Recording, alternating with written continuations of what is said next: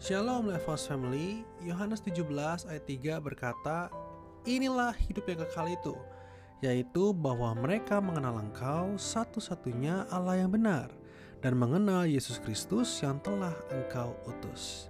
Kalau saudara lihat, ayat ini tidak menggunakan kata mengetahui Allah yang benar. Tidak menggunakan kata mengetahui Yesus Kristus, melainkan jelas berbunyi demikian, mengenal mengenal Allah yang benar, mengenal Yesus Kristus. Sebab mengenal dan mengetahui adalah dua hal yang berbeda. Contohnya, mengetahui Presiden Jokowi dan mengenal Presiden Jokowi itu satu hal yang berbeda, bukan? Mengetahui dan mengenal presiden itu beda. Kalau mengetahui sifatnya mungkin lebih kepada pengetahuan. Kita belajar sejarah, oh Pak Jokowi itu uh, jabatannya seperti ini, oh Pak Jokowi itu tugas seperti ini dan lain sebagainya betul ya. Tetapi kalau kita mengenal Presiden Jokowi itu sifatnya bukan lebih kepada pengetahuan, tapi lebih kepada keintiman.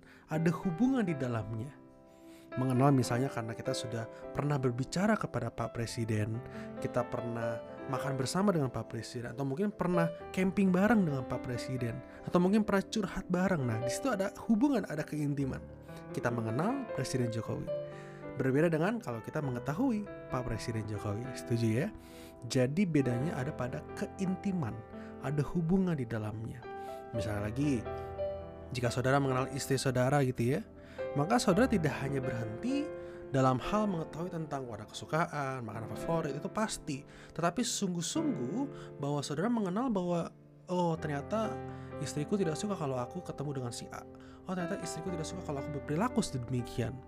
Oh maksud senyuman istriku tuh yang tadi itu maksud ini gitu, ya kan? Jadi ada hubungan di dalamnya, ada keintiman di dalamnya yang bikin kita sungguh-sungguh mengenal istri kita, betul ya? Nah jadi Mengetahui dan mengenal itu dua hal yang berbeda. Nah, ayat tadi berbicara bahwa hidup yang kekal diperoleh bagi mereka yang mengenal Allah yang benar, mengenal Yesus Kristus. Nah, kalau kita berbicara, ya saya tahu kok tentang Yesus adalah Tuhan. Saya tahu kok Yesus mati di kayu salib. Saya tahu kok bahwa ada firman Tuhan namanya Alkitab gitu ya. Nah, saudara, jika saudara sampai di tahap itu, maka sesungguhnya kita belum sampai kepada tahap mengenal. Kita baru sampai kepada tahap pengetahuan atau mengetahui atau tahu. Mengenal lebih dalam dari itu. Sebab pengenal tidak hanya mengetahui bahwa Yesus adalah Tuhan, tetapi waktu kita mengenal Yesus adalah Tuhan, maka ada sikap penunduk, penundukan diri kepada Tuhan. Itulah mengenal. Mengenal tidak hanya mengetahui bahwa Yesus mati di kayu salib, kita tahu, yes, amin. Tapi kalau kita mengenal bahwa dia mati di kayu salib, maka lebih dari dalam itu kita menghormati karya salibnya dengan apa? Dengan kita tidak berbuat dosa lagi. Mengenal tidak hanya mengetahui firman Tuhan yang namanya Alkitab, tetapi sungguh-sungguh Alkitab itu meresap dan mengubah kita. Itu mengenal.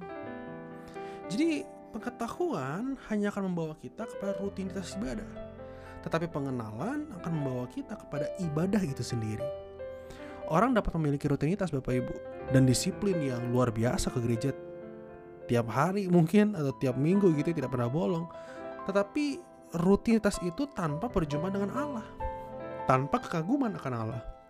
Pernah gak kita mengalami kita rutin ke gereja tapi waktu kita dengar firman, waktu kita menyembah present worship bersama-sama, tidak ada perjumpaan dengan Allah di situ. Tidak ada kekaguman akan firman Tuhan di situ. Kita hanya hadir tapi seperti tidak hadir gitu ya. Nah, kita perlu koreksi diri kita. Coba kita bayangkan kalau kita hari ini terbiasa ke gereja minggu itu ya. Apakah masih ada kekaguman dalam hati kita saat firman Tuhan diberitakan? Nah, kita perlu renungkan. Nah, kita juga mungkin termasuk eh, orang yang membaca firman Allah tetapi kehilangan Allah yang berfirman. Wah, maksudnya apa nih kalimatnya berat banget? Maksudnya begini, ketika kita membaca firman Tuhan, kok tapi seolah-olah kayak kita nggak dapat apa-apa. Seperti Allah diam, Allah tidak sungguh-sungguh berbicara kepada kita. Nah kembali, pengetahuan dan pengenalan itu berbeda. Pengetahuan akan mengarahkan kita kepada rutinitas.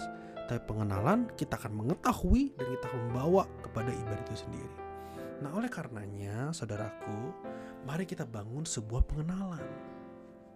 Sebuah pengenalan pasti dimulai dari mengetahui. Waktu dan waktu kita mengetahui, kita membangun hubungan yang intim dengannya baru disebut sebagai kita mengenal Tuhan. Nah, gimana cara membuktikan bahwa diri kita berada di jalan pengenalan itu? Bagaimana cara kita membuktikan bahwa kita sungguh-sungguh nih sudah mau ingin mengenal Allah? Ya, buktinya adalah waktu saudara sungguh-sungguh belajar mengenal Tuhan, maka hidup kita setiap hari akan ditantang untuk terus mengasihi Allah. Hidup kita itu akan selalu ditantang terus untuk meninggalkan kedagingan. Sebab pengenalan akan Allah selalu membawa kita kepada kekudusannya pengenalan akan Allah selalu membawa kita kepada karakternya yaitu Yesus itu sendiri. Karakter seperti Kristus.